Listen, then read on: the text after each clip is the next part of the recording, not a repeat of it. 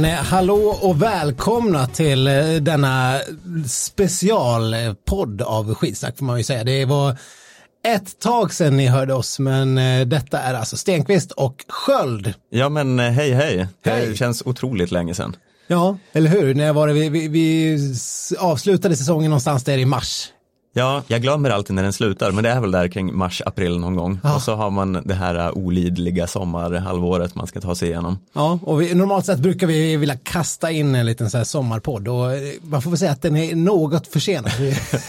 Ja men det ska ju komma någon slags uh, värme eftersläng till helgen. Du, jag kan säga att när jag cyklade till jobbet i morse och det var tre grader så kände jag inte riktigt sommarbrisarna slå mot ansiktet. Nej men vad var det, Irlandshettan ska komma till helgen tror jag. Ja, härligt. 25 grader, så det här är alltså en sommarpodd special. Ja, och i denna sommarpodd special så har vi inte bara piskande höstkyla, vi har även vår eminenta kollega eh, Petra Thorén med oss.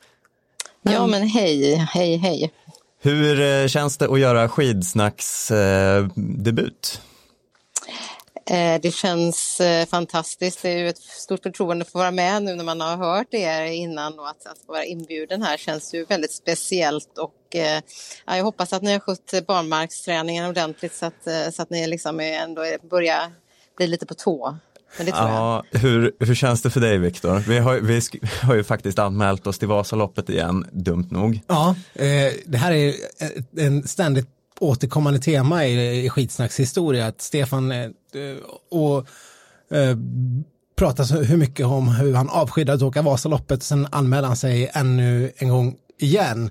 Och eh, jag, jag tycker det är alltid lika roligt när du tar det här idiotiska beslutet. Eh, men, men själva barmarksträningen kanske har varit lite lidande av, eh, av olika skäl för mig personligen. Men nu känner jag att eh, det snart är på riktigt allvar på väg tillbaks. Ja, Okej, ja, jag, jag har kanske inte lika mycket att skylla på, men det går ganska illa. Ja, det gör Får jag det. väl ändå säga. Eh, hur eh, känns det själv, Petra? Nej, men, eh, det känns eh, faktiskt ganska bra. Jag var ute på något pass här i skogen när det regnade som mest förra veckan och då tänker man ju liksom hade hade Charlotte och Stina liksom klivit i eh, och sprungit igenom pölarna eller bredvid sidan av och så tänker man att eh, ja, man vet hur mycket väg de hade tagit och så får man liksom eh, imitera så gott det går och springa efter. Nej, men jag känner mig faktiskt riktigt laddad inför inför säsongen och eh, eh, ser fram emot att det börjar dra igång här om ett tag. Ja, eh, vi ska ju säga det här nu att eh, det här är ju lite av en eh, för eh, special inför säsongen. Vi är ju inte riktigt igång igen. Vi kommer ju att köra igång när det närmar sig, men vi tänkte att det har ju hänt så himla mycket senaste tiden så ja, vi måste ju eh, helt enkelt eh, Ja, man- behandla allt. Ett uppsamlingshit tror jag man kallar det i sportvärlden. Ja, precis. Eh, och vi ska väl kasta oss rakt in i det som har varit, åtminstone för mig, otroligt eh, fascinerande att följa. Och eh, eh, därför är det så bra att vi är med just dig Petra, för jag pratade såklart om kaoset inom landslagsledningen och petandet, den här, den, får man säga, överraskande utnämningen och sen den eh, rekordsnabba petningen av Jonas Pettersson. Eh, vad säger du Peter? Eh, Kan du liksom eh, ta en liten snabb eh, backup på vad det är som har hänt?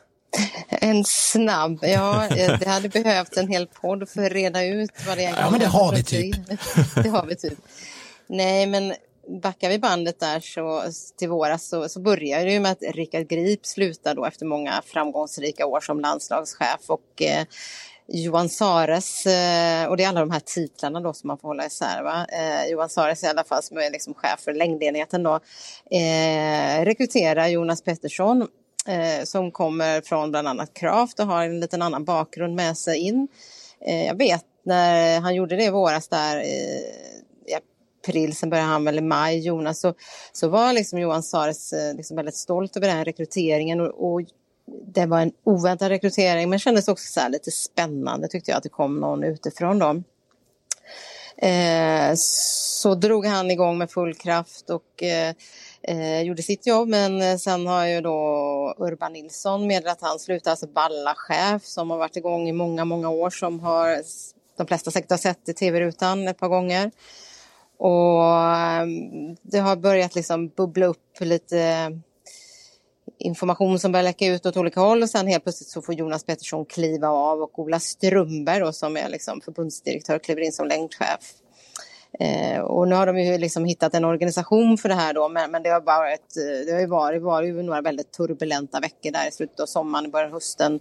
Eh, men framförallt det här liksom chockbeskedet ändå att Jonas Pettersson får kliva av efter eh, några månader på, på den positionen. Väldigt rörigt, väldigt kaotiskt utifrån sett tycker jag och det har ju även åkarna bekräftat eh, att det har varit väldigt rörigt.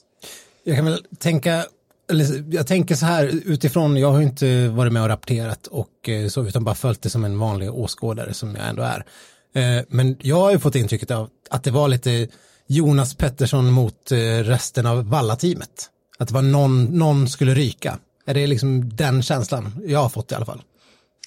Ja, men jag tror att det är faktiskt den liksom, slutsatsen som, som jag när det var som mest kanske diskussioner kring det för, för de här senaste veckorna också landat i att eh, alltså Jonas bekräftar ju att det fanns en, en eh, att det var en av delarna i det hela, liksom, hur, hur Valla-teamet skulle formeras och att eh, eh, de hade lite olika syn på det. Ola Strömberg, då, han vill inte dra det så långt utan säger att de hade att de hade en samsyn på liksom vart man skulle gå men att vägarna dit såg olika ut, säger han ju lite så här politiskt käckt. Ehm, men, men i grund och botten så är ju ändå upplevelsen att, att, eh, att det är liksom Jonas Pettersson kontra Valla-teamet i ganska mycket i grund och botten och eh, det är klart att det är lättare att ersätta en eh, landslagschefen, ett helt vallateam för det är ont om vallare, det är ett väldigt speciellt liv, de är väldigt viktiga och de ska liksom vara ute och resa stora delar av året. Eh, och det kanske är så enkelt till sist att man landade i att ersätta ett helt vallateam kontra, kontra en landslagschef då. Um, vi, vi, har inte det bekräftat men det är den, det är den slutsatsen som, som man drar i alla fall nu då.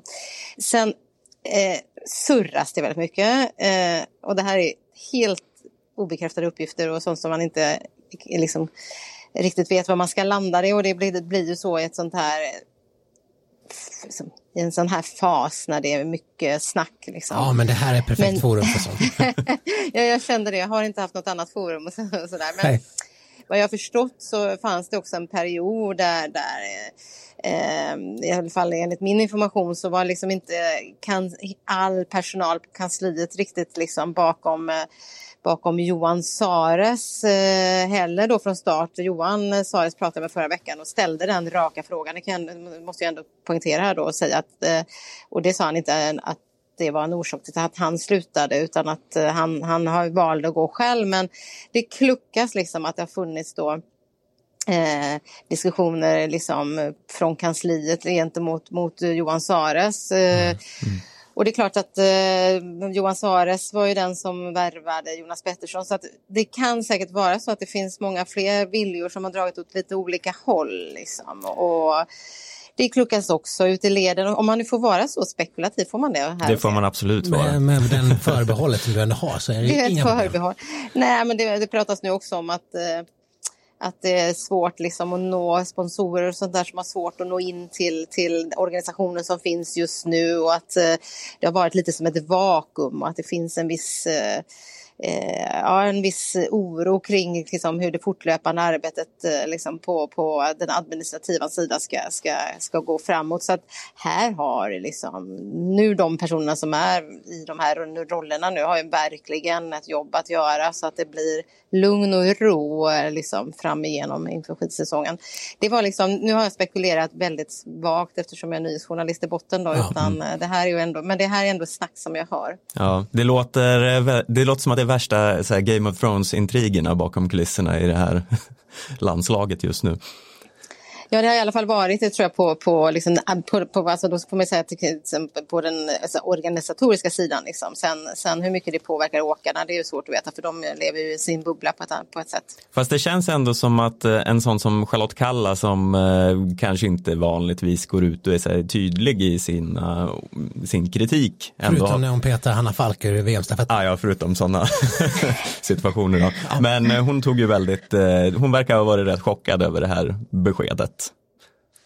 Ja, och det var lite förvånande när jag pratade med henne förra veckan att hon, eh, man hade förväntat sig att hon skulle säga något i stil med att nej men ja, vi åker en bit från det här och, och, och, vi tror att det här blir bra. Men hon var ju uppriktigt både lite chockad och ledsen och besviken på att Jonas inte hade fått fortsätta. Och, eh, när jag pratade också med Theodor Petersson som, som, eh, och Jonas också då, sen, senare Jonas, eller Theodor då är ju åkarnas, en av åkarnas representanter och eh, pratade både med honom och Jonas och jag hade nog inte förstått att Jonas ändå hade påbörjat ett sådant arbete med åkarna där de har träffats ett par läger i rad och suttit ner och gjort upp riktlinjer för jag vet, hur är vi mot varandra, hur funkar vi för att vi ska ha en bra prestationsgrupp. Jag hade inte förstått att det var så, så långt gånget då och det finns ett dokument till och med som de har gjort som han har varit med och arbetat fram. Så att eh, Charlotte kände väl att det här var en person som hon fick en kick utav och helt plötsligt var den kicken borta och det eh, då är man ju nere och rotar, då påverkar det ju åkarna givetvis. Mm. Och, och, nu är jag återigen på den här liksom, åskådar-magkänslan, men jag fick ändå lite intrycket av när jag har liksom läst allt vad åkare har sagt och vad landslaget har sagt, vad Jonas Pettersson har sagt och från olika aktörer. Lite grann att eh, någon känsla fick jag att Jonas Pettersson har pratat med aktiva åkare och liksom fått sig en uppfattning om hur de tycker att det kanske borde förändras i vissa led. Och att han kanske har meddelat Valla-teamet eh, några som, det, det framgick ju av en numera borttagen intervju från SVT när man liksom mörkade en del, man hade skrivit ut en del namn som man sen tog bort. Om vilka vallare som skulle petas och så. Eh, det var ju några som uttryckligen skulle få sparken. Och, och om jag fattar det rätt så har ju då Valla-teamet stått sig enat och sen eh, liksom sagt att om en går då går alla lite grann i princip. Och det, det, jag kan ju bara tolka det på det viset att vissa av åkarna har liksom kanske inte haft fullt förtroende för alla vallare. Och vad som detta leder till nu när, när vallarna får igenom eh, sitt eh, liksom alla, alla eller ingen krav är att de, åk, de vallare som åkarna inte tycker är tillräckligt bra presterande ändå blir kvar och det är ju fa fantastiskt allvarligt och dåligt för skidanslaget. om den uppfattningen jag har fått överhuvudtaget stämmer, det är ju lite svårt att säga eftersom ingenting är uttalat rakt ut. Men eh, jag menar, då har vi ju vallare kvar som åkarna inte har förtroende för. Vad är det liksom? Nej, det kan eh, det kanske blir lite mycket klister där för någon någon gång. Man vet inte, liksom så här hoppsan.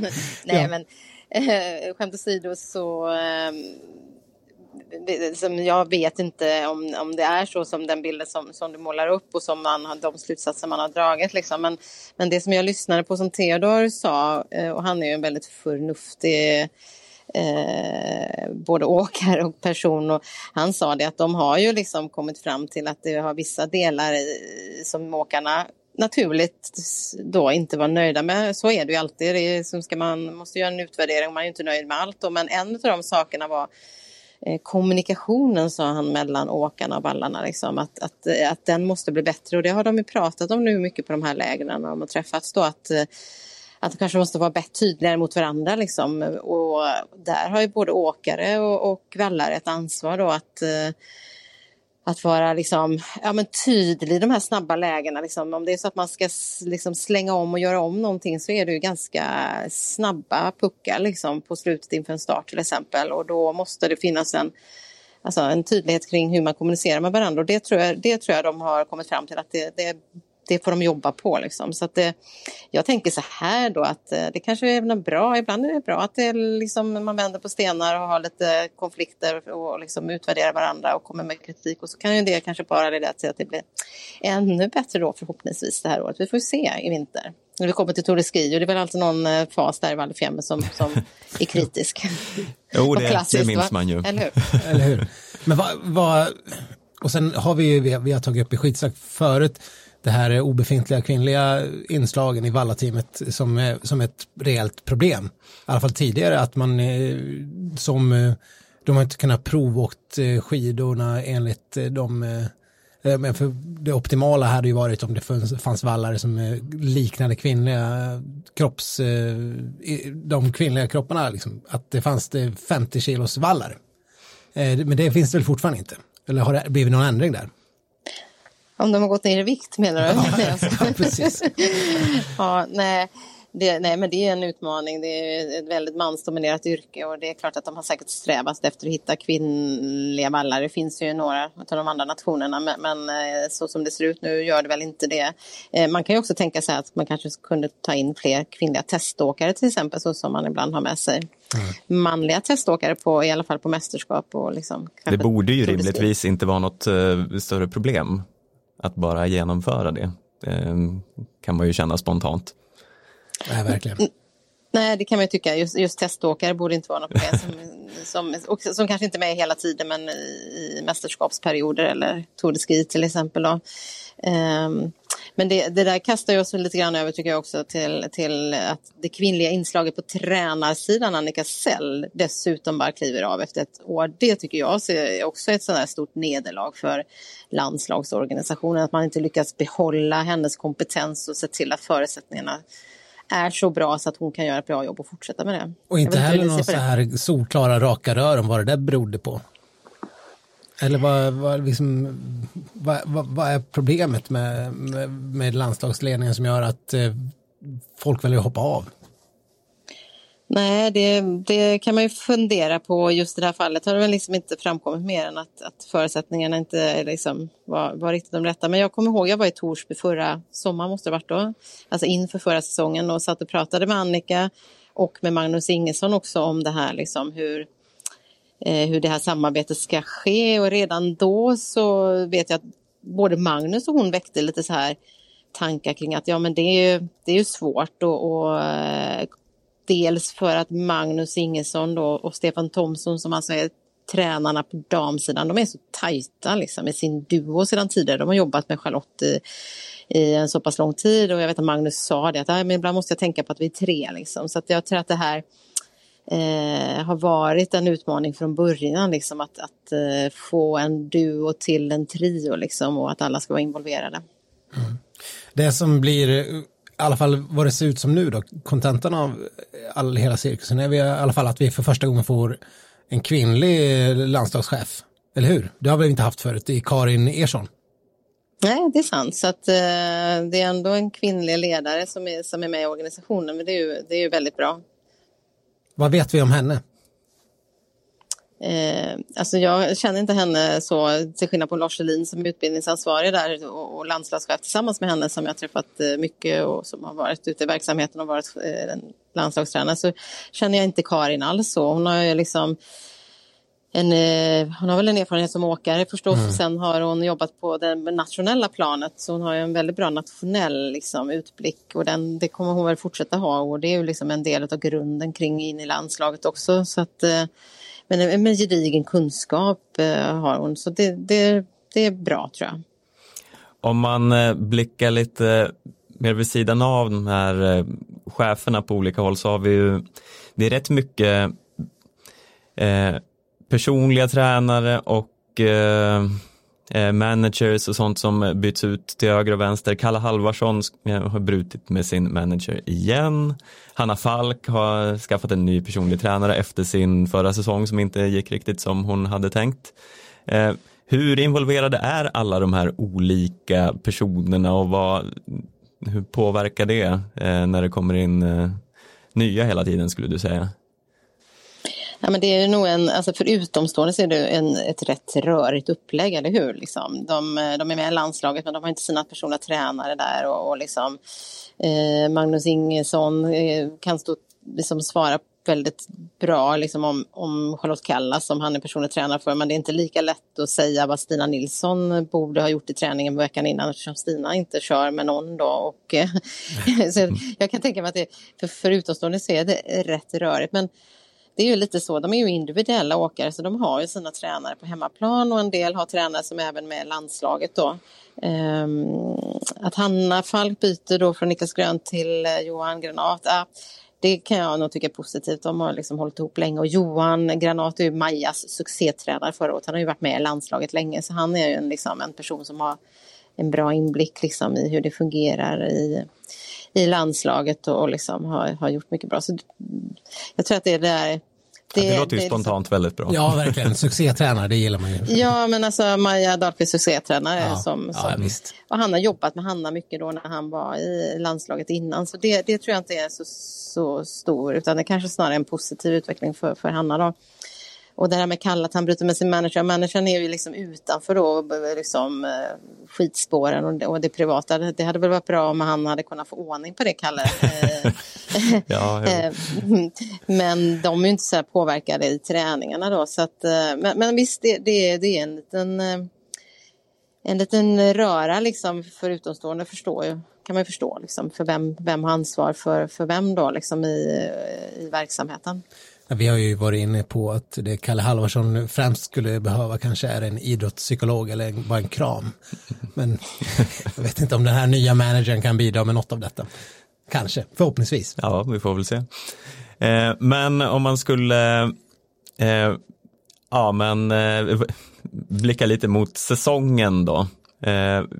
Men får, får, jag kasta in, får jag bara kasta in en ja. sak som jag bara slår mig som, en, en, som det vore intressant som man kan fundera på det är liksom ändå hur eh, insnöad skidsporten är. För att visst är det ändå så att förra gången man plockade en ledare utifrån liksom, så var det Ulf Karlsson 2012. Mm. Kom från friidrotten, höll på ett halvår och eh, sen så vågar man sig på det här nu då igen och ta in Jonas Pettersson liksom, som, som kommer från, från sidan. Från, från, även om han varit i kraft, kraft så har han liksom andra erfarenheter. Eh, och det höll i fyra månader. Är, inte, är det, vad är det ett tecken på? Är det så att man inte är öppen för andra influenser i skidsporten? Liksom? För jag menar, man faller ju tillbaka då på de som verkligen liksom kommer från skidornas egna led nu. Ja men det är väl all, jag tycker alltid vi har haft det, man, man, har det intrycket att det är väldigt konservativt i leden.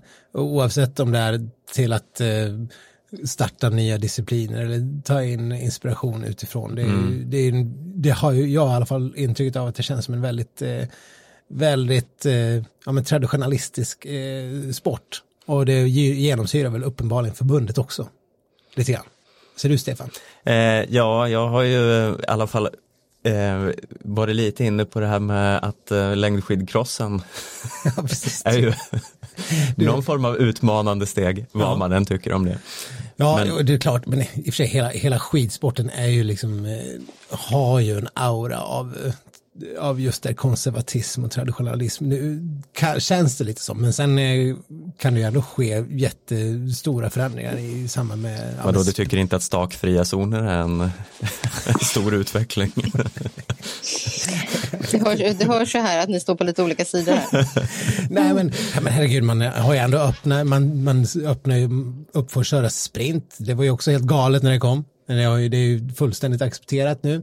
Eh, man eh, har ju totalt slopat eh, individuella starter. Hade man lyssnat på alla gamla gubbar i stugorna så hade, ju, hade det inte funnits ett lopp med masstart kvar nu, utan hade ju allt fortfarande varit individuell start. Så visst, lite, lite öppna för förändringar kanske man är ändå. Men ja, jag tycker det är talande som det du är inne på Peter, att folk det känns, det kanske inte är det här eh, åsiktstaket kanske är enormt, i alla fall eh, hos svenska skidförbundet. Jag menar som Johan Olsson gjorde också bara något eh, kort knepigt inspel som eh, vad han skulle vara för någon typ av specialtränare. En tränare på hemmaplan var det va? Ja, mm. sen har inte om, om det handlade egentligen om hur mycket arbetstid han fick eller vad det nu var att göra. Men nu, men han försvann ju ganska snabbt och det känns som att eh, det, det, kan vara snabba puckar i att eh, komma in och ryka därifrån. Jag vet inte vad det kan bero på. Nej, det är svårt att säga. Ja.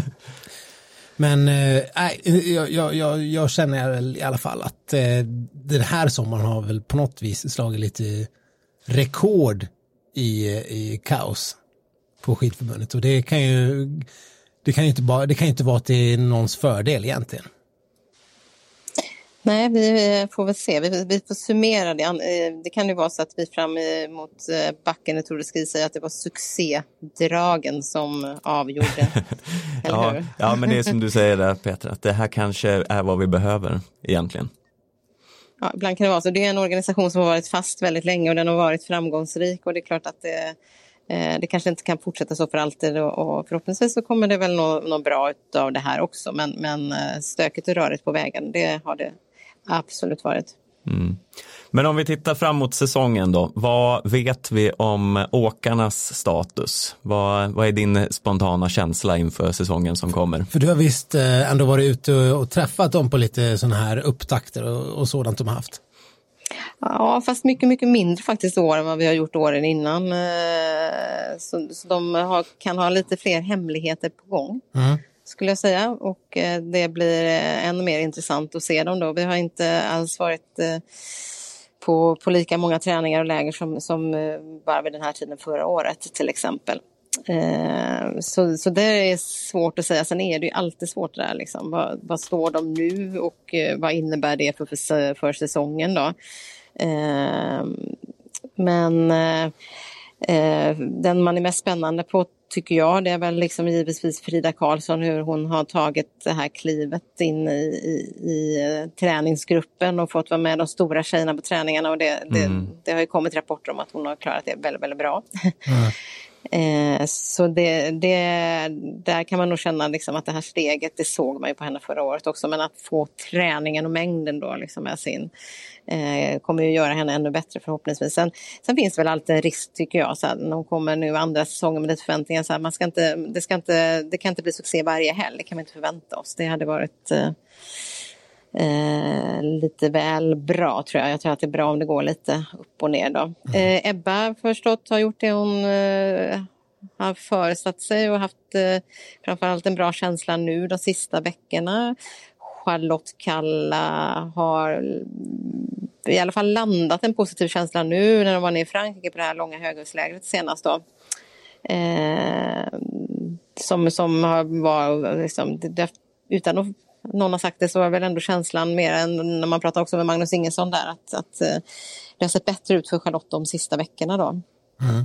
Finns det en risk, tänker du, jag, jag känner ju lite grann, vi, vi har pratade ju så otroligt mycket om damlandslaget förra året. Eh, det är ju inte bara Frida och Stina och Charlotte utan liksom Sundli, Jonas Sundling och Maja Dahlqvist. Det är så extremt brett och så extremt framgångsrik. Ida Ingmarsdotter har ju lagt av, men det är väl ungefär det tappet vi har på damsidan. Eh, det känns som att vi, vi kan bara misslyckas. Vi har liksom det ändå Förutom, eh, ja men Norge är ju ganska bra då. Gud vad negativ du lät nu. Men Sverige är ju ändå liksom världens bästa landslag på damsidan. Utan någon större tvekan. Vi måste ju ha fem, sex av världens tio bästa åkare i princip. Så hur ska vi inte kunna ha för höga förväntningar på de här damerna? Liksom? Nej, men det är, det är klart att vi ska ha höga förväntningar. Liksom. På sprintsidan är det eh, outstanding det som de gjorde förra året och det är klart att man förväntar sig att Maja ska sopa hem bara varannan världscup och, och att Stina Nilsson ska hålla sig hel och frisk nu då som, och, och skadefri som har, som har varit en liten utmaning för henne även under försäsongen. Eh, så det tycker jag självklart att man ska förvänta sig att de ska ligga där. Det vore eh, konstigt annars. Sen ska det genomföras och så vidare. Och så vidare. Men det, vi måste ju ändå ha de förväntningarna. Sen är det väl på distanssidan då att man, eh, ja, vi vet ju vad Johag kan göra och, och hon verkar, rapporten säger att hon är ännu bättre och man bara hoppas att det inte blir en sån där trist säsong där vi jublar för att eh, det bara är 20 sekunder upp till Johaug. Liksom. Nej, men man Utan kände att... lite grann när Stina ändå slog Johaug där i, i slutet av säsongen och tänkte, ja nu. nu och Frida var nära ett par gånger. Och då har vi inte ens nämnt Ebba Andersson som, eh, som ändå var närmast hela säsongen. Mm. Typ. Och vad innebär det? Jo, det innebär att Therese Johaug åker hem och skärper till sig och tränar ännu hårdare. Liksom. Och, och, rapporterna säger att hon är vassare än någonsin. Så att, äh, alltså, det, det, finns ju en stor risk att det på distanssidan är, blir Flexibility is great. That's why there's yoga. Flexibility for your insurance coverage is great too. That's why there's United Healthcare Insurance Plans. Underwritten by Golden Rule Insurance Company, United Healthcare Insurance Plans offer flexible, budget friendly coverage for medical, vision, dental, and more. One of these plans may be right for you if you're, say, between jobs, coming off your parents' plan, turning a side hustle into a full hustle, or even missed open enrollment. Want more flexibility? Find out more about United Healthcare Insurance Plans at uh1.com. Ett liksom Johag-dominans och, och det känns ju känns det borde vänta, men lite trist. Ja. Men, men ja, vi hoppas att någon av de här liksom, eh, distansåkarna och, och med det Stina inberäknat då kan, kan ändå ge henne en utmaning. Ja, på tal om moll då, eh, då har vi ju herrlandslaget här också. Vi, måste vi verkligen. Kan vi inte eh, hålla en god stämning här? Ja, nej, men jag känner vi måste nämna det kort också för eh, tid, jag tycker ändå att eh, man har tidigare säsonger fått väldigt mycket rapporter om skador hit och dit. Det har väl varit lite bättre nu har jag känslan av. Det är Viktor Thorn som har opererat diskbrock här precis. Eh, men i övrigt har det väl varit ganska så eh, skadefritt eller har jag helt missuppfattat det här? Ja, Kalle hade någon innebandyskada men annars har det inte varit så mycket tror jag. Nej. det lät i och för sig som en extremt dum skada. Ja, jo. ja typiskt. Nej, men det, det, verkar, det verkar bra och det är klart att Viktor Thorn är ju allvarligt för han är också en åkare som hade, man förvänt, liksom hade hoppats på att kunna ta ett kliv till. Det finns en fin kapacitet i honom. Eh, så, så, att han lär ju få det svårt men eh, det, annars har det varit rätt lugnt. Och det, jag tror att de, det det finns ju åkare som kommer ta kliv där som kanske behöver ytterligare något eh, eller två år till dem. Men eh, jag tror att det är bra det här läget som de har nu. De, de har ju då inga förväntningar på sig alls, eller hur? Vi, där kommer ju, eh, liksom, de kommer kunna köra och, och allt, allt de gör, liksom topp 10 är positivt. Jag hoppas och tror att en sån som Oskar Svensson som också har en en väldigt hög kapacitet, liksom hög högsta nivå. Liksom, eh, han, rapporterna kring honom säger att han har gjort ett jättebra tränings... Eh, eh, eller en tränings, försäsongsträning i försäsong. Så att, eh, där kanske vi har en åkare som kan kliva upp ännu fler gånger och vara med i fler finaler till exempel. Mm.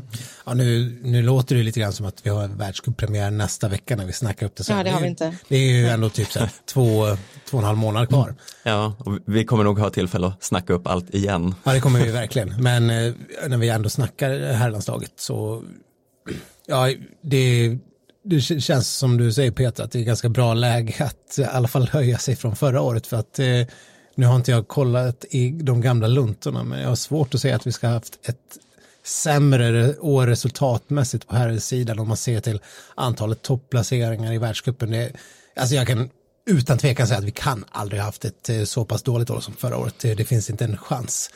Eh, så att det finns ju bara ett, ett håll i princip för herrlandslaget och det är väl ändå bra. Eller? ja, vi litar på ditt inre lexikon här nu. Någon får stå mig på fingrarna men jag, jag, jag sätter min själ och hjärta på att det är så. Ja, eh, ja nej men det, ja, vi får hoppas att det, det kan ju även ta den andra riktningen. Det får vi verkligen hoppas att det inte gör. Nej men det har man väl ändå lite svårt att tro. Det är så, mm. det, vi har ju Kalle Halvarsson som underpresterade på många, många sätt förra året. Men nu eh, med ny manager och eh, deltagande i landskampen så känner jag han, han kan inte göra annat än att lyfta. Nej. Nej, vi får hoppas på två och en halv bra månad här då inför säsongen så kommer allt gå som smort. Mm. Ja men herregud, de, eh, det är som ni säger, det, det, kan inte bli sämre. Eh, det är väl en bra utgångspunkt, eller hur? Ja. Om man kan jobba sig därifrån. Sen, sen tycker jag att det finns en del av de här alltså, ännu yngre åkarna på här sidan som ändå liksom är spännande. Jag menar, vi har inte ens pratat om Jens Burman, han, han har också en bra kapacitet. Liksom. Har, har, vi, har vi inte snackat länge nog om Jens Burmans eventuella kapacitet? Vi kan inte snacka tillräckligt mycket om Jens Burman och hans kapacitet. Ja, det är, bland mig och Stefan eh, råder delade meningar om detta. Men jag, jag tycker att han, han borde ha kunnat breaka lite större vid det här laget. Ja, jag tror att han fortfarande väntar på sitt stora genombrott. Ja, du gör det? Mm. Ja, jag, jag har inte gett upp om honom än. Nej, jag tror ju mycket mer på eh, potentialen hos Oskar Svensson. Mm. Eh, men, men bland de yngre, vi, vi pratade ju en del förra säsongen om, eh, om eh, de som har lyckats bra i juniormästerskap. Vilka, vilka skulle du vilja hålla ögonen extra på, Petra? Men jag tycker att Marcus Grate är en eh, spännande person med en liksom skön attityd på, på, i tävlingssammanhang. Liksom. Väldigt avslappnad, lite cool så. Liksom. Det är väl en sån åkare som jag tycker man ska hålla lite extra ögon på. Eh, han verkar rätt eh, obrydd liksom över omgivningen och sådär. Så att, eh, ehm, rent eh, hans inställning liksom när han kör tycker jag är häftig. Sen finns det säkert allra, alltså finns det ännu yngre åkare liksom. Eh, men de behöver ju kanske växa till sig. Det ser man ju också när de här kommer ut och man tycker att eh, att det är spännande namn och sen så kommer de till världskuppen. Ja, men så är det ändå liksom. Världskuppen är väldigt stor skillnad mot att, att åka liksom i, på skandinaviska kuppen eller i, ehm, eh, i, i ehm, juniorsammanhang. Liksom. Och det är klart att Fredrik Andersson, Ebbas lillebror eh, eh, eller brorsa där är ju spännande. Kommer han på sikt, vad kan han göra liksom? Det finns ju, det finns ju flera åkare som, som, som har en stor kapacitet men det är, ett, det är långt, klivet är högt, det är långt liksom, så att vi, vi får se. Men eh, Eh, Porrom har vi inte heller pratat om, han är väl också sån framtids, en framtids, ett spännande framtidsnamn. Men, men Grate tycker jag man kan väl titta extra på. Jag vet inte vad ni, om ni har några intryck kring honom. Eh, ska erkänna att eh, inte jättestor koll på vad han har eh, gjort eh, senaste året. Han har lite hamnat i skymundan av andra namn kan jag känna. Ja. Men eh, det är spännande att se vad, vad det kan ge här framöver. Precis, vi får se. Det är, det är så vi får tänka kring, medan det kommer massa tjejer så får vi liksom eh, se på killsidan, liksom, att, att vi får ge dem några år till och sen hoppas vi att några av de här tjejerna ändå kan, kan ta klivet upp och, en, och på vägen fram. Jag har, jag har också förväntat mig mer av Jens Burman och, och eh, tror, jag, nu vet jag inte vem sida jag ska ställa mig på det här läget, men jag är på Burmans sida då. Ja men härligt, vi behöver fler i team Burmans eh, flank här. ja, det låter bra. Då. Ja, nej, men det är bra. Jag, jag hoppas såklart också på Burman egentligen, men jag kanske har tappat hoppet lite grann. Mm. Eh, något sådär. Men ja, det är svårt att, man har ju lite svårt att tro att det skulle bli någon form av så här, Frida Karlsson genombrott på här sidan, i alla fall den här säsongen. De får väl lov att växa till sig lite, men det, det känns ju inte det känns ju inte otänkbart att någonstans ska det kunna finnas en, liksom, en eh, svensk motsvarighet till eh, Kläbo eller vad som helst. Det, det måste kunna, kunna vara så eftersom skidåkning fortfarande är ganska stort i Sverige. Mm. Eh, ja, eh, vi ska väl kanske gå vidare lite i avsnittet och jag har hört att de rycker lite i dig på sporten i övrigt Petra så du ska få återgå där. Men eh, Tack så hemskt mycket för att du kunde vara med här idag. Ja, och ja. vi ser mycket fram emot att ha med dig mer när säsongen väl drar igång och på ja, säsongen drar igång. Tack. Tack snälla och jag ser fram emot det och då ska vi komma med lite mer rapporter utifrån fältet för det är väl ändå där vi ska hålla till framöver. Men eh, kör på ni så återvänder jag. Det finns andra sporter också än skidor som ska bevakas en dag. finns det det verkligen? Folk säger det. Ja. Ja, det är lite, lite, känns lite tveksamt men det finns, eh, de säger det. De ja. säger det. Ja, men eh, vi går väl vidare här då efter detta mycket eh, intressanta inspel om eh, turbulensen. Men det har ju hänt rätt mycket annat också så vi tänkte vi ska väl sammanfatta lite inte lika eh, utförligt Nej, som här. Men det, vi, vi har ju ändå en del att ta upp. Eh, vad tänker du på främst eh, som har hänt? Saker som tarvar våra kommentarer. Ja, precis. Ja, ja. Vi skulle kunna sitta här i tre timmar till, men det ska vi inte göra. Vi ska inte utsätta någon för det. Eh, vi ska väl eh, vi har ju ändå varit inne lite grann på, på Johaug. Vi kan väl börja med, börja med hennes lilla friidrottsäventyr i somras. Eh, det, det, har ni säkert läst om. När hon beslutade sig för att ställa upp på 10 000 meter i norska mästerskapen. Något, ett drag hon hade liksom aviserat tidigare att hon skulle ha gjort men inte riktigt fått chansen. Men nu, nu fick hon chansen. Eh, och det, ja, det blev väl lite parodiskt. Ja, eh, alltså det är ju det. Jag, jag vet att eh, vi diskuterade vid något tillfälle att det måste kännas förjävligt att vara norsk friidrottare och hålla på och nöta och nöta och kanske vara bäst i Norge på 10 000 meter. Och så kommer den där jävla Therese Johaug och bara testar och är 100 mil bättre. Ja. Ja, nej, det är lite, måste vara ganska deprimerande om man har kämpat år ut och år in i typ, ja men säg 20 år med att bli bra på någonting. Och så kommer någon lallande längdskidåkare som har inte sysslat med den här sporten i en dag och varvar tvåan i norska mästerskapen på 10 000 meter. Ja, ja det är sjukt egentligen. Det är sjukt. Det visar ju i och för sig lite också på vilken supermänniska hon är. Ja, men så kan man ju tolka det. Och sen även eh, så fick man ju läsa att många av eh, de kanske andra starkaste korten inte, de ställer in sin medverkan i norska mästerskapen, vilket, vilket jag kan tycka verkar helt sjukt om man nu är någon form av elitidrottare i en sport och sen inte ställer upp av rädsla för att förlora mot Therese Johaug. Då, då kanske man ska fundera. Då har man kanske inte där att göra. Nej, då kanske man ska liksom sätta sig och, på spar istället. Mm. Eller hitta någon annan sysselsättning helt enkelt. Ja, nej, men eh, det, ja, det, det är väl testamentet för hennes eh, sinnessjuka eh, styrka. Ja. Och det är väl som Petra var inne på tidigare, det båda väl illa. ja. Gud vad, det blev så dystert direkt i den här podden. Eh, Ja. Det är i och för sig lite så vi jobbar. Men ja, men det, är bara det spontant själv då, känner du liksom flipp eller flopp på Johaugs friidrottssatsning? Ja, men eh, jag tycker hon ska byta karriär helt. Ja. Kör bara friidrott. Eh, på tal om det här, jag måste bara lyfta det här om du känner samma sak. Nu vet jag ju att eh, Jakob Hård är, eh, sitter med mm, fötter i båda läger i längdskidåkningen och i friidrotten. Ja. Men jag har, liksom, kan ändå inte riktigt komma ifrån känslan när jag sitter och kollar på friidrott under sommaren och hör Jakob Hårds röst, att han är som lite otrogen.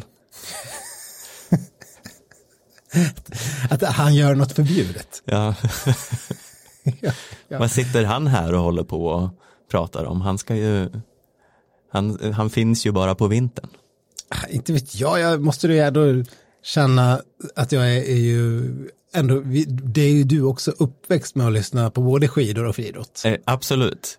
Men är, är det att liksom skidintresset har tagit sånt starkt tag i dig? Att det, Det har ju mitt hjärta på lite av ett annat sätt än vad friidrotten har. ja, Även om jag kan komma in i mina moments och typ börja gråta när, vad heter han, Andreas Kramer tar ett, en EM, ett EM-brons. ja, ja, ja, nej visst, det är, det, det är ju fint. Men det är, något, det är något som skär i själen när du hör liksom Kajsa Bergqvist vara bisittare och inte Anders Blomqvist. Ja, men det är Inget svårt. ont om Kajsa Bergqvist, men hon är Nej. ingen Anders Blomqvist. Nej.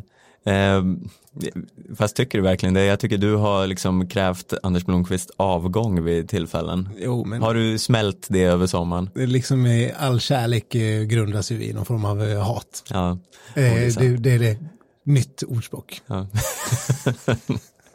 ja, det lät hårt. Men Ja, det nej, men, nej, men herregud.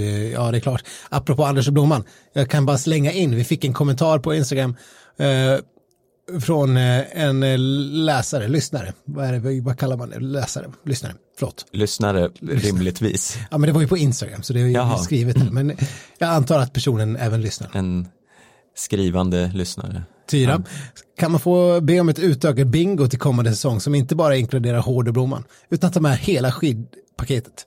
Vinterstudion och allt. Yvette pratar om brasan, Frida hamnar på ballen, Obskyr Norman står igenom och allt sånt där. Ja, det är kanoninspel. Ja, eh, och det tycker jag att vi kan nästan utlova, eller hur? Ja, alltså så, så fort Pops har på sig koftan, det är ju liksom, det är ett kryss. Ja. På tal om Pops, vi har, det här hände ju ganska snart efter att säsongen slutade. Men eh, det kom ju det här eh, chockbeskedet eh, om rättigheterna som SVT förlorade Ja, till sändningen i- av, av längdskidvärldscupen. I någon form av deppighetsavgrund där igen. Ja, eh, nu tror jag att det är näst, nästa säsong det börjar gälla. Så har Nent Group, det vill säga TV3 och alla de kanalerna, Vi har satt. mm, eh, fått rättigheterna till eh, eh, att sända eh, skidloppen och eh, eh, därmed är ju Vinterstudion som institution hotad. Även om de säkerligen kommer fortsätta med någon form av sändningslöst eh, magasinsprogram. Men ja, jag vet inte, nu har det ju gått eh, typ ett halvår sedan det här beskedet. Hur, hur känns det nu? Alltså, jag, jag känner lite grann så här. Eh, eh, när SVT förlorade sändningsrättigheterna till eh, ishockey-VM, till TV3, då eh, fick eh, man första året, eh, då gjorde man en kompromisslösning så att SVT fick sända matcherna från hockey-VM. Det här är någon gång i början på 90-talet eller något sånt. Då fick man sända matchen med en kvarts fördröjning. Så man, vill man se matchen i realtid då kollar man på TV3. Vill man se den en kvarts fördröjning så kollar man på SVT. Jag skulle utan tvekan kolla på eh, längdskidsvärldscupen med en kvarts fördröjning om det gick i SVT än. Eh, då är det bara stänga av alla pushnotiser, stänga av internet eh, i övrigt och se och njut. Jag tror tyvärr inte att den möjligheten kommer att ges, men jag kan väl mana Viasat och SVT att sätta sig i förhandlingar och, och få in den här kvarts fördröjningen i, även till skidvärlden. Ja, för det, jag vet en kollega eh, som skrev en krönika en gång, eh, minns inte vem det var, men eh, om Vinterstudions roll i samhället. Och det var lite som att eh, när rättigheterna till något OS eh, eh, eh, tillföll någon annan kanal eh, så beskrev det som att att titta på eh, skidor i TV3 är ju som att fira jul med eh, en främlingsfamilj. Och ja. lite så kan man ju känna att det är. Ja. Det är liksom bara att kliva in på ett julfirande fast hos någon annan. Du går in till grannen som du aldrig har pratat med. Ja. Nu, nu vill jag äta gröt med er. Mm. Ja, jo, jag kan känna igen eh, känslan fullkomligt. Mm. Nej, så, det, det är ett eh, otroligt sorgligt besked, men jag tycker inte vi lägger någon mer möda på det nu, utan eh, vi, vi, jag tycker vi går vidare och ser mot ljusare saker som till exempel eh, rullskidskaoset som har drabbat svenska landslaget i sommar. Vi, vi, hann ju aldrig riktigt gå in på det med Peter, men det har ju inte bara varit en framgångsrik träningssommar, det verkar ha varit fullkomligt eh, rammelshaveri. Mm. Jag, vet, jag har för mig att vi har lyft det här förut, eh, om att eh, svenska skidåkare inte borde tillåtas stå på rullskidor eftersom de är eh, liksom, generellt sett så fallbenägna. Ja. Ja, men det, det svenskar som... står ju aldrig på fötterna i en backe. Nej. Nej. Och då är ju rullskidor en värdelös sport. Ja, ja, ja, det har man inte minst sett. Vad, vad har vi för skador här i år? Ja, men Frida Karlsson körde ju rätt in i något staket eh, och eh, Stina Nilsson ramlade och blev lite småskadad. Ja, jag såg även en bild på Ebba Andersson från eh, något rullskidlopp där hon eh, syntes ha liksom totalt synliga liksom glid, asfaltsglidskador på kroppen. Så hon, det, jag har inte sett att det rapporteras om hennes fall, men hon hade ju uppenbarligen eh, ramlat omkull. Var det under ett eh, rullskidpass som Peppe Femling fick staven genom benet förresten? Ja, var det inte det? Med, I skidvärldens mest bisarra skada. Liksom driva en stav rakt genom benet. Ja. Insane. Uh, ja, nej, Nej, men det är ju liksom, det, det har ju nu gått äh, även från, det är ju inte bara vi som sitter och rantar om det här att det är farligt med rullskidor. Eh, för, eller ja, skidtoppen Vegard Ulvang har ju gått ut och sagt att eh, du kan ju föreställa dig vilket blodbad det kan sluta i. Och hans kommentar på eh, om utvecklingen med fler rullskidlopp fortsätter. Ja, det var inte, han skulle inte kommentera Game of Thrones eh, sista avsnitt utan det är rullskidlopp. Mm. Nej, nej, men för det, det blir fler och fler eh, rullskidlopp eh, off-season och eh, ja, det är mycket mer fokus på det och vissa är ju mer specialiserade på rullskidor än andra. Vi du, har ju... du hävdar att Kläbo vill ha fler lopp? Ja, eh, han, för som, Emil Iversen har ju gått ut och sagt att det är bara en tidsfråga innan det sker någon riktigt otäck olycka jag personligen tar det alltid väldigt lugnt i utförskörningarna eh, och så vidare. Eh, det sa han till NRK någon gång. Sen pratade de med Kläbo och han var av helt annan åsikt. Han vill ha fler rullskidlopp. Jaha, mm. ja. Du ställer ja. dig inte på start om du inte åkt rullskidor tidigare, säger han. Okay. Ja, ja, visst. Jag kan ju personligen tycka att rullskidor Eh, det får man göra på totalt flack mark eller så kan sådana som Carl-Johan eh, Westman syssla med det. Carl-Johan Westberg heter Westberg. han faktiskt. Westberg, förlåt. ja, eh, jag själv stod ju på ett par rullskidor senast förra sommaren. Ja. Och lyckades ramla och skrapa upp hela skinkan stillastående. Ja, det såg fruktansvärt ut. Mm. Jag skickade att, bild till dig där. Ja, tack.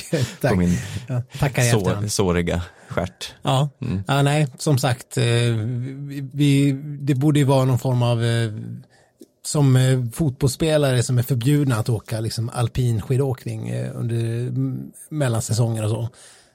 på, på grund av försäkringsfrågor och sånt. På samma sätt borde ju ingen svensk, eh, okej, åtminstone de som är lite toppåkare.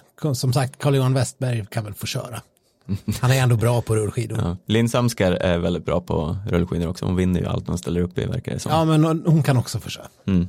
Men eh, folk som vi tror ska kunna bli jättebra eh, på riktiga skidor. Ja, alltså förbjud Frida och Ja, Ebba och ja. company. Det är, det är liksom ingen poäng att ni är där. Nej, det, får räcka med en stakmaskin. Eh, Eh, men eh, ja, innan vi rundar av här måste vi ta upp den stora skandalen som, eh, som är pågående just nu, skulle jag vilja påstå.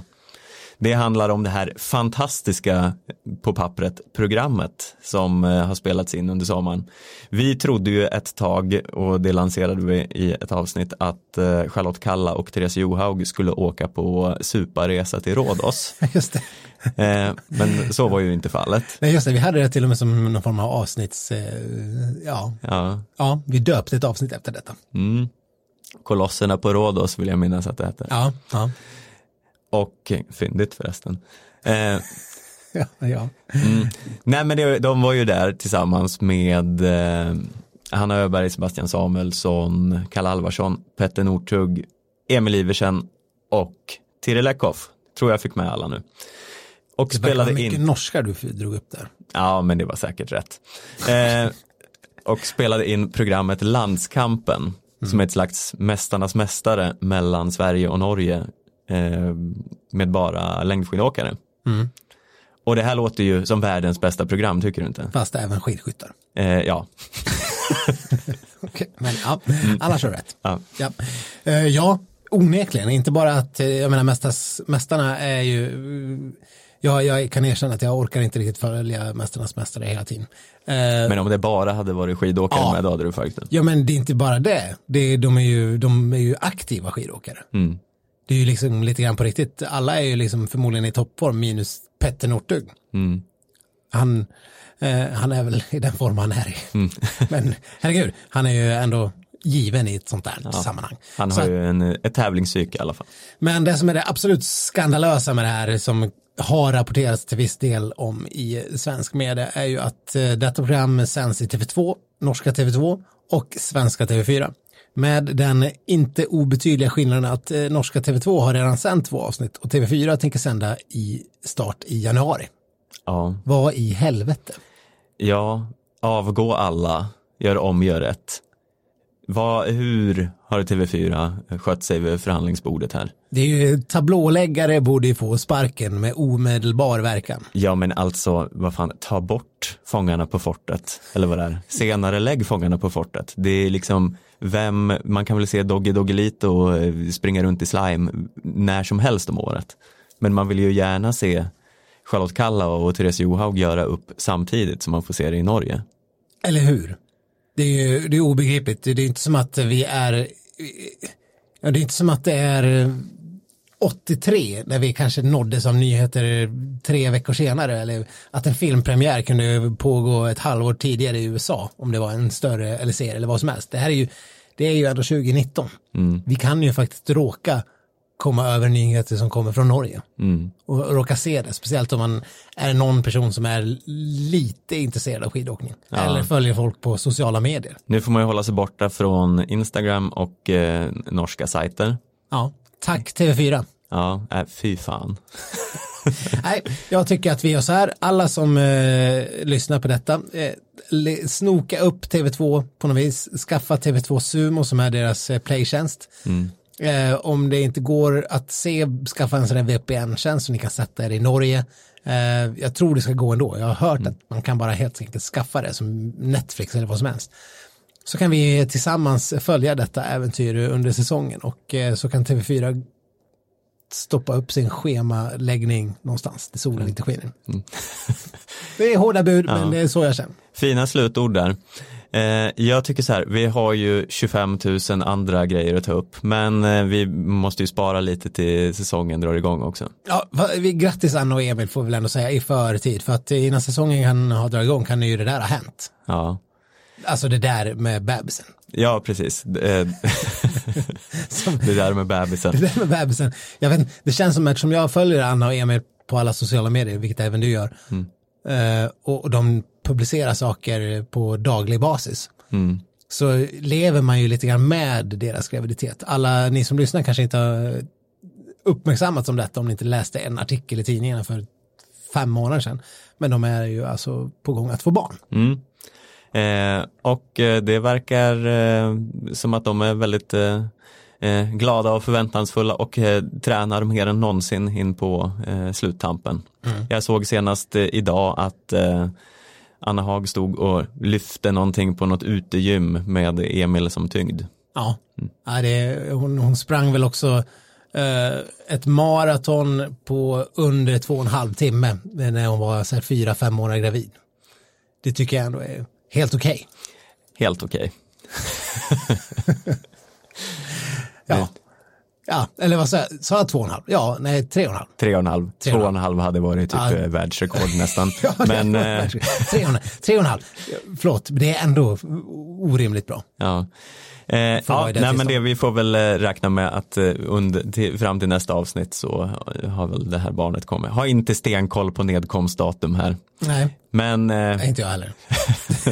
det står inte i din filofax heller. Nej, det gör det eh, vi, kan väl, vi kan väl lägga en liten, eh, en, eh, vad, vad heter en, eh, när man ska eh, locka med något till nästa gång. En liten teaser. Teaser, ja, teaser, ja men precis. Att eh, en diskussion som vi har kvar att eh, eh, ha är ju hur vi tycker om Tour de Skis eh, stora förändring. Ja, en liten cliffhanger här. En cliffhanger. Eh, jag kan väl avslöja att det, det kanske inte är eh, Ja, nej jag ska inte avslöja för mycket men man kan ju nästan räkna ut vad vi tycker om eh, Tour de Skis stora förändring. Eh, men det tar vi väl en, senare i höst. Ja, och eh, vi tar som vanligt gladeligen emot inspel och tips och kommentarer och så vidare på skidsnack aftonbladet.se eller på sociala medier. Ni kan skicka ett eh, meddelande eller kommentera på Instagram, på Facebook, eh, även på Twitter. Även på Twitter. Mm, vi är där ibland. Ja. Eh, Vi kommer att bli lite mer aktiva överlag eh, vad det lider när det väl börjar bli lite säsong. Men om ni kontaktar oss så svarar vi alltid. Ja, men det var skönt att eh, få en liten sån här eh, försäsongspepp. Ja, Nu kan jag inte, I can't wait for November to happen. it's gonna be amazing. Eh, så tack för den här gången så hörs vi snart igen. Hej då! Hej då!